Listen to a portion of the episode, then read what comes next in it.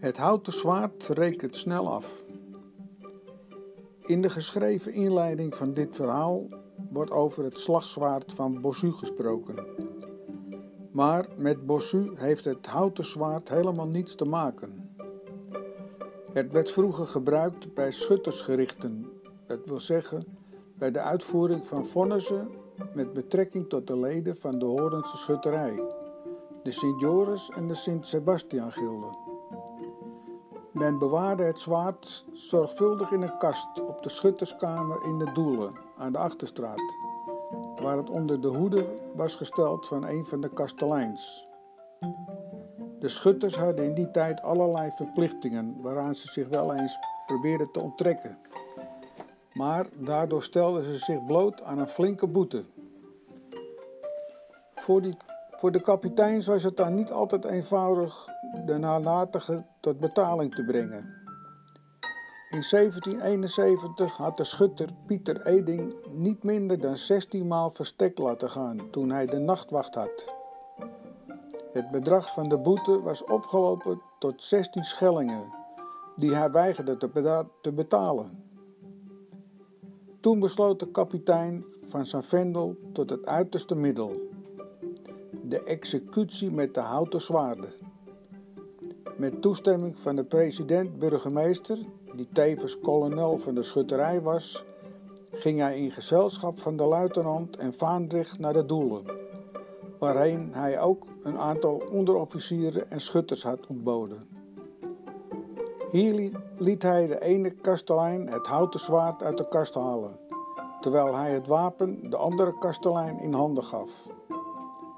In optocht ging het vervolgens naar het huis van Pieter Eding de kastelein met het zwaard voorop en daarachter de kapitein, geflankeerd door de luitenant en Vaandrig. Vervolgens een sergeant met hellebaard en twaalf schutters met in het midden twee tamboers. De rij werd gesloten door een rotmeester die eveneens een hellebaard meedroeg. De deelnemers aan de executie hadden aan niemand iets mogen vertellen maar de kleine stoet trok ondanks het morgenuur heel wat bekijks. En toen men bij het huis van Eding was aangekomen, waren er heel wat mensen op de been, die nieuwsgierig afwachten wat er zou gebeuren.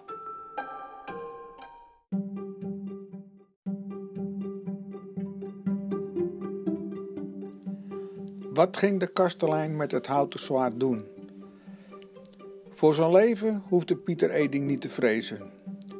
Het zwaard diende tot niets meer, maar ook tot niets minder dan het op bevel van de kapitein aanraken van een aantal eigendommen die door deze eenvoudige ceremonie verbeurd werden verklaard. Uit de verkoop ervan kan dan de boete worden betaald. Op zichzelf was dit voor de betrokken schutter al niet plezierig, maar het ergste voor hem was dat dit zou gebeuren ten aanschouwen van zijn medeburgers dus dat was een grote schande. Voor het welslagen van de operatie had de kapitein de nodige voorzorgen genomen. De tamboers had hij aan de achterkant van het huis post laten vatten om te voorkomen dat er goederen zouden worden uitgedragen, terwijl ter assistentie ontboden waren de stadsbode met Den Bos op de borst en een smid. De laatste moest de deur, als die op slot was, openbreken. Het bleek niet nodig.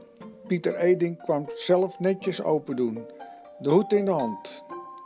Wel beklaagde de man zich toen hij hoorde wat het doel van het bezoek was, dat juist hij dit moest ondergaan. Waarop hij te horen kreeg dat hij er zelf alle aanleiding toe had gegeven. En dat, al wilde hij nu de 16 schellingen alsnog betalen, men daarmee geen genoegen zou nemen. Het zou dan ook alle voor de uitvoering van het vonnis gemaakte onkosten moeten vergoeden. 15 stuivers voor de kastelein met het houten zwaard, 6 stuivers voor iedere tamboer, 3 gulden voor de vertering waarop het commando van de 12 schutters recht had en tenslotte 12 stuivers voor de stadsbode en 3 voor de smid.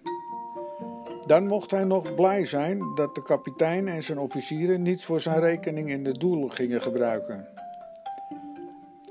Pieter Eding Voor Pieter Eding was er geen keus. Hij betaalde direct de 16 schellingen en beloofde ook de bijkomende kosten te zullen voldoen.